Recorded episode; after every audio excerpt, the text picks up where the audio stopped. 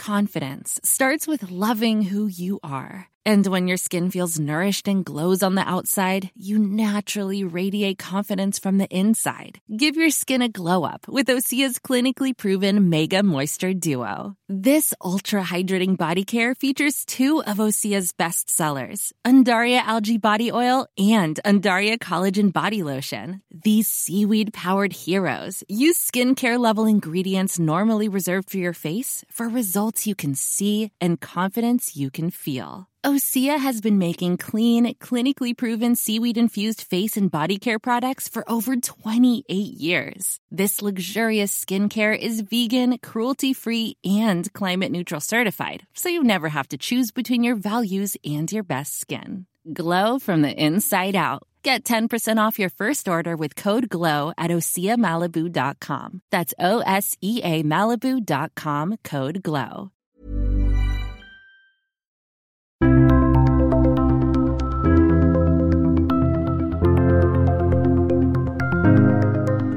Enorme vindturbiner til havs skal være en del av det grønne skiftet.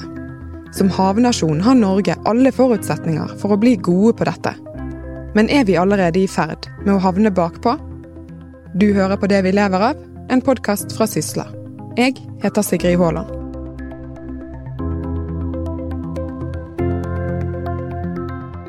De som hørte om dette prosjektet, de sa vel stort sett uh, 'you crazy Norwegians'. Dette er Finn Gunnar Nilsen, faglig leder på det nyopprettede Havvindsenteret ved Universitetet i Bergen. Nilsen var med på å utforme en modell av en flytende vindturbin som ble satt utenfor Karmøy i 2009. Dette var jo verdens første uh, flytende vindturbin i den, altså i virkelig skala. Konseptet heter Hywind og brukes i verdens første flytende vindpark, Hywind Skottland, der Equinor er hovedeier. Siden den første modellen ble utformet, har størrelsen på vindturbinene vokst kraftig.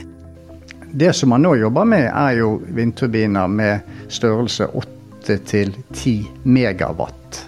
Og da begynner vi å snakke om rotordimensjoner på rundt 200 meter, så hvert blad vil jo da kunne legges langsiden på en fotballbane.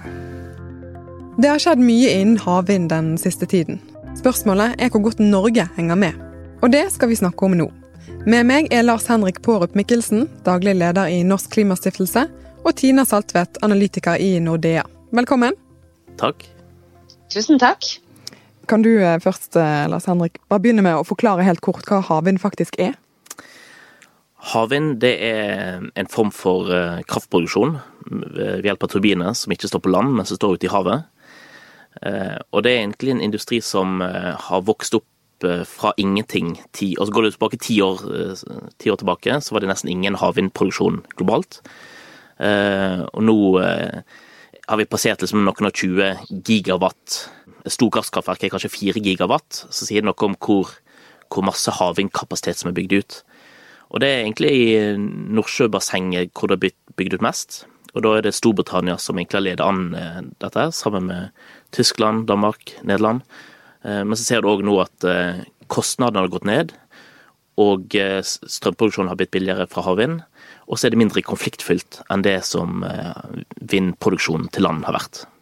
Og hvor stor aktør er Norge i dag på dette feltet? Altså, Vi har jo ingen havvindproduksjon i Norge. Det er stadig flere aktører i Norge som leverer til et voksende globalt havvindmarked. Norske eksportbedrifter de omsatte for Eller norske bedrifter omsatte for eksporterte for 6 milliarder i 2007 til havvindmarkedet, som er en markedsandel på 5% så ikke veldig, veldig, veldig stort. Men så er det en del selskap som Equinor, da, som bl.a. i Storbritannia er relativt tungt til stede med, med å bygge ut vindparker til havs. Men, men, men, jeg kan bare si at det har jo vært en veldig debatt i Norge, da, mm. egentlig ganske lenge, om hva rolle Norge skal ha i havvind. Og det, den debatten blusser opp igjen nå. Mm. Ja, hva er grunnen til det? Når jeg begynte å jobbe med klimapolitikk, så husker jeg havvind var, var ganske håper jeg, på ble masse debattert, og du hadde havsul, og du hadde en del konkrete prosjekt og ble gitt konsesjon og osv. Og, og så ble det ingenting av. Og jeg tror det handler litt om rett og slett oljeprisutvikling. At når et verk du fikk liksom en boom, sånn utforfall som 2010, så tror jeg at det var stadig færre som så behovet for at Norge skulle liksom begynne å gjøre noe annet ute til havs enn å pumpe opp olje og gass. Og Så ser man nå at når oljeprisen har gått ned og man ser kanskje en litt annen fremtid for olje- og gassindustrien, så, så er det stadig flere som får bøyne for, for ny aktivitet offshore. Ja, Det tror jeg du har helt rett i også, for det er jo um, særlig etter dette krasjet i oljeprisen, så, så, begynner man jo da å se på hvilke alternativer har vi. Og Da er jo Norge med en lang uh, kystlinje og ikke minst kompetanse og erfaring på offshore energiproduksjon og utbygging av, av, store energiprosjekter. Hva kan vi gjøre? Og Da kommer nok dette opp som et, uh, et godt alternativ på hva vi faktisk kan og uh, har muligheten til å gjøre. Eh, I tillegg så har jo kostnadene som, som, du nevnte falt veldig kraftig de siste åtte-ti årene. og Det gjør det også mer interessant. fordi at uh, altså, både fra investorer, også sikkert statlig sett, også at man så langt kanskje har sett at dette har vært en industri som har trengt mye subsidier for å kunne utvikles. Nå endrer det seg. Med kostnadsfall så ser man jo faktisk at i fremtiden så blir dette spennende prosjekter som kan gi en god avkastning. Og Det gjør jo også at utsiktene for denne industrien ser helt annerledes ut enn den gjorde for eh, fem til ti år siden. Bare et eksempel der er jo eksempel eh, Tyskland, som hadde anbud, eh, eller hadde på en måte konkurranse ute i markedet. Hvor da danske Ørsted var eh, med i et konsortium som leverte et tilbud hvor de baserte seg på null kroner i subsidier, med leveranse da ut på 2020-tallet. og eksempel sånn som Tyskland, det illustrerer jo sant, så nå har akkurat fått en kullkommisjon som har sagt at vi skal fase ut all kullkraft innen 2038. og på kort sikt skal de òg fase ut masse kull. Så det er klart at da skal de plutselig ha veldig masse kraft tilgjengelig på kort tid. Eh, og bare til å Norge, så ser du at eh, vindkraft på land det er kontroversielt. Flytte ut til havs er det mindre kontroversielt. Og så er det en annen fordel med vind til havs, og det er at det er mer stabile forhold. Som gjør at eh, strømproduksjonen kan være mer, er høyere og mer stabil. Vindkraftproduksjon til havs, langt til havs, der kan man ha mye, mye større vindmøller som kan produsere mye mer enn det man kan på nærmere, altså de som står bunnfast, også de som selvfølgelig står på eller er det onshore.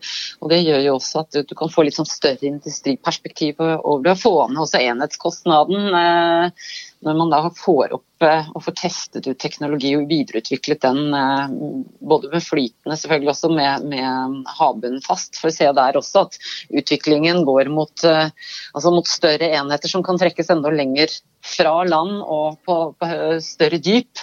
Men det er klart at flytende kan jo flyttes mye lenger ut, og, og ut der i dag oljeproduksjon er. og Det gjør jo at, at den diskusjonen som også har vært med at, eh, at, vindmøller er forstyrrende, at det er en form for sånn forstyrrende og ødeleggende for miljøet. fordi du, du ser jo disse vindmøllene. Noen, noen, liker jo ikke det, men det er klart at det blir jo ikke en diskusjon når du får det veldig langt til havs. Og der tror jeg òg Til nå så har man jo bygd bunnfaste installasjoner? Altså, som har vært festa i havbunnen. Og det gjør at Da setter du en begrensning på hvor dypt du kan sette disse vindturbinene. Eh, og Man sier vel gjerne at en sånn grense er sånn hvis havdypten er på en måte mer enn 45, 45 eh, eller 50 meter der omkring, så, så, er det på en måte flytende som, som er alternativet. Og Der er jo Equinor Har man et konkret prosjekt i Norge. Altså Equinor tester denne Highwind i, utenfor Karmøy. Det var én turbin. Og så fikk de denne prosjektet sitt i Skottland. Og nå er på en måte fase tre av Hywind-eventyret det er jo hvorvidt man skal da forsyne noen av eh, oljeinstallasjonene i Norge med, med, flytende kraft. Eller flytende, flytende havvind, mm. fornybar kraft. Um, så, og jeg tror kanskje at toget for Norge har kanskje gått når det gjelder liksom bunnfast. Altså der, der begynner liksom markedet, altså De aktørene som var tidlig ute, de har på en måte fått en sterk posisjon. Danmark, Storbritannia eh, osv. Eh, mens flytende så er på en måte det en mulighet som Norge kan ta. Og jeg tenker at eh, det er, vi, det er den muligheten vi må nå gripe med begge hendene. Men, men, når du snakker om uh, flytende, vil ikke det være uh, i områder som kan komme i konflikt med andre havnæringer? Jo, uh, det, kan, det kan det jo selvfølgelig. Altså nå har jo NVE de gjorde jo for en del år tilbake, fikk i oppdrag fra Olje- og energidepartementet å kartlegge hvilken område er best egnet for havvind i Norge. Og det, det Den øvelsen gjentok de egentlig i fjor. Eh, så de har jo på en måte pekt ut to områder i Norge som, eh, som, som de anbefaler. Det ene er Utsira nord. Det er liksom det området de sier er desidert best, har beste vindforhold. Eh, men der er det ganske dypt, over 200 meter, så der er det flytende havvind i så fall. Og det andre er et område som heter Sørlig Nordsjø 1 og 2.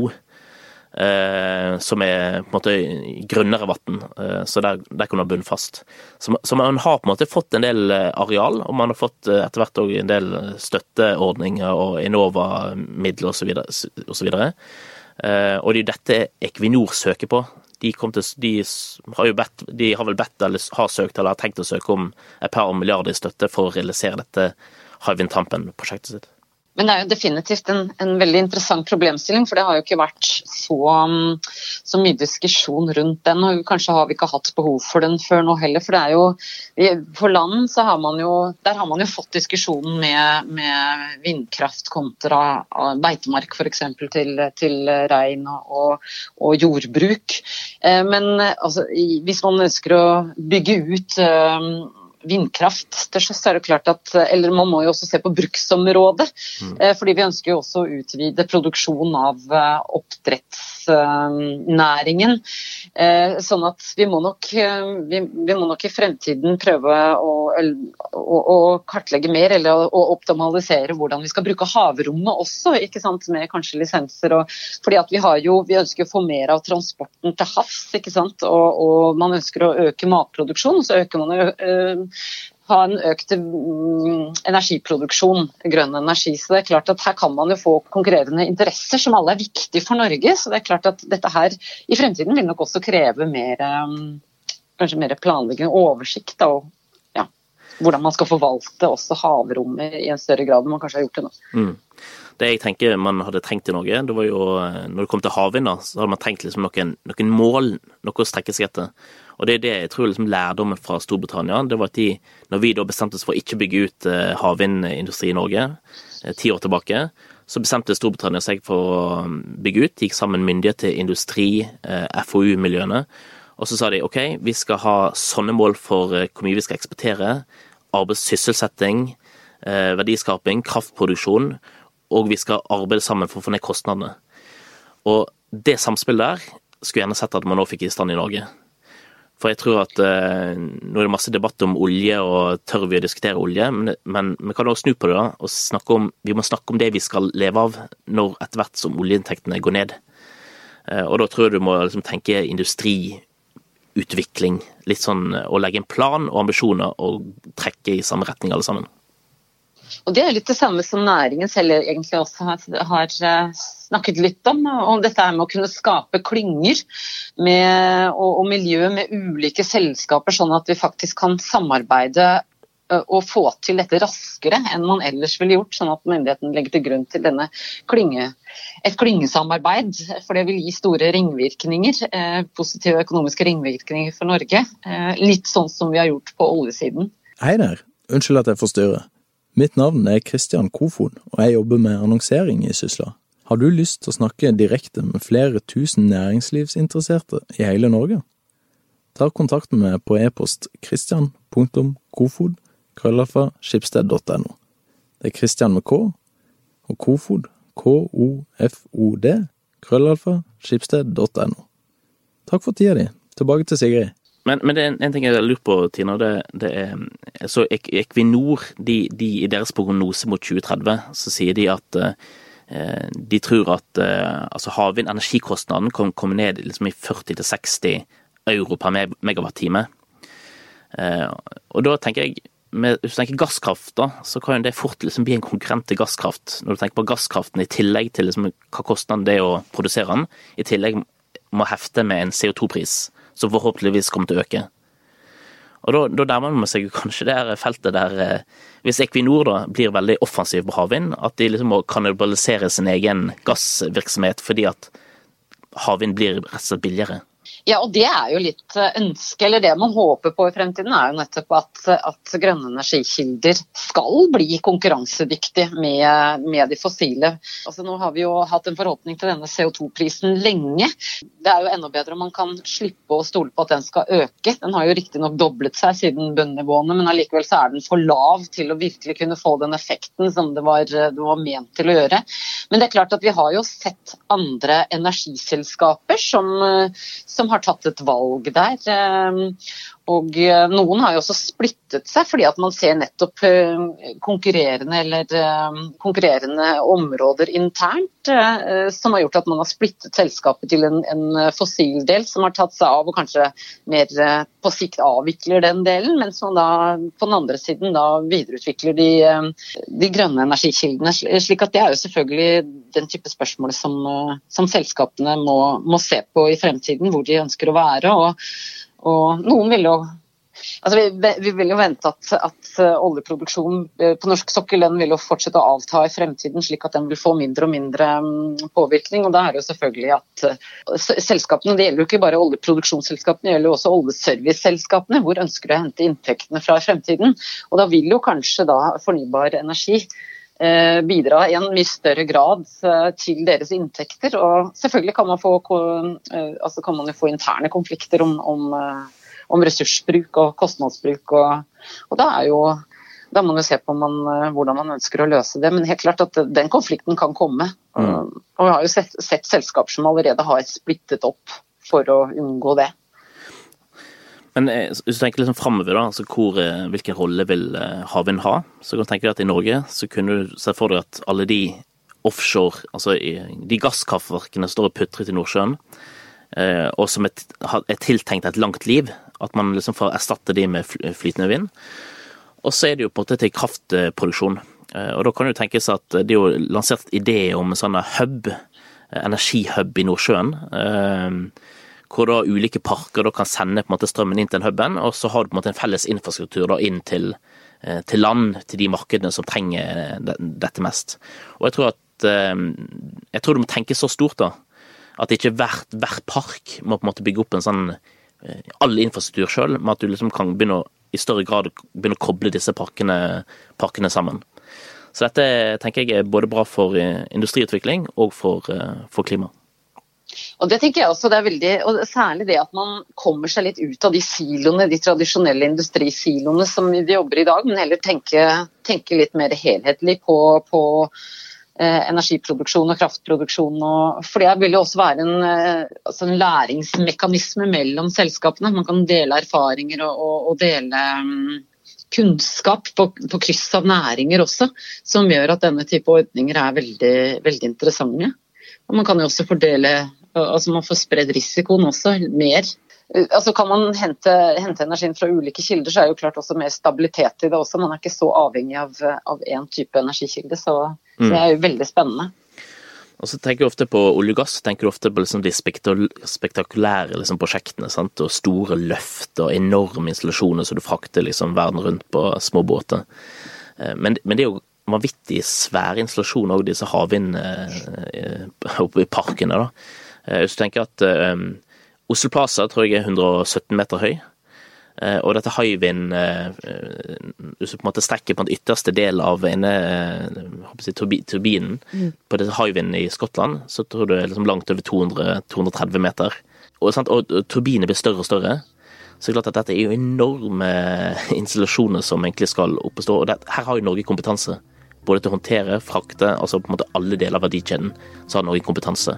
Og det er det jeg syns er spennende med akkurat havvind, for her er det endelig en del av liksom energimarkedet eh, som på en måte både offshoregutter og fornybargjengen kan, kan enes om. Og det er kanskje det man trenger i Norge, da. Et sånt felles eh, heiaprosjekt. Ja, for da slipper man inn den der polariseringen som har vært, eh, som har preget mye av debatten her i Norge. Men hvis man ser på hva man kan gjøre sammen, så vil jo det gjøre oss mye mer sterke i konkurransen utad også. Ja.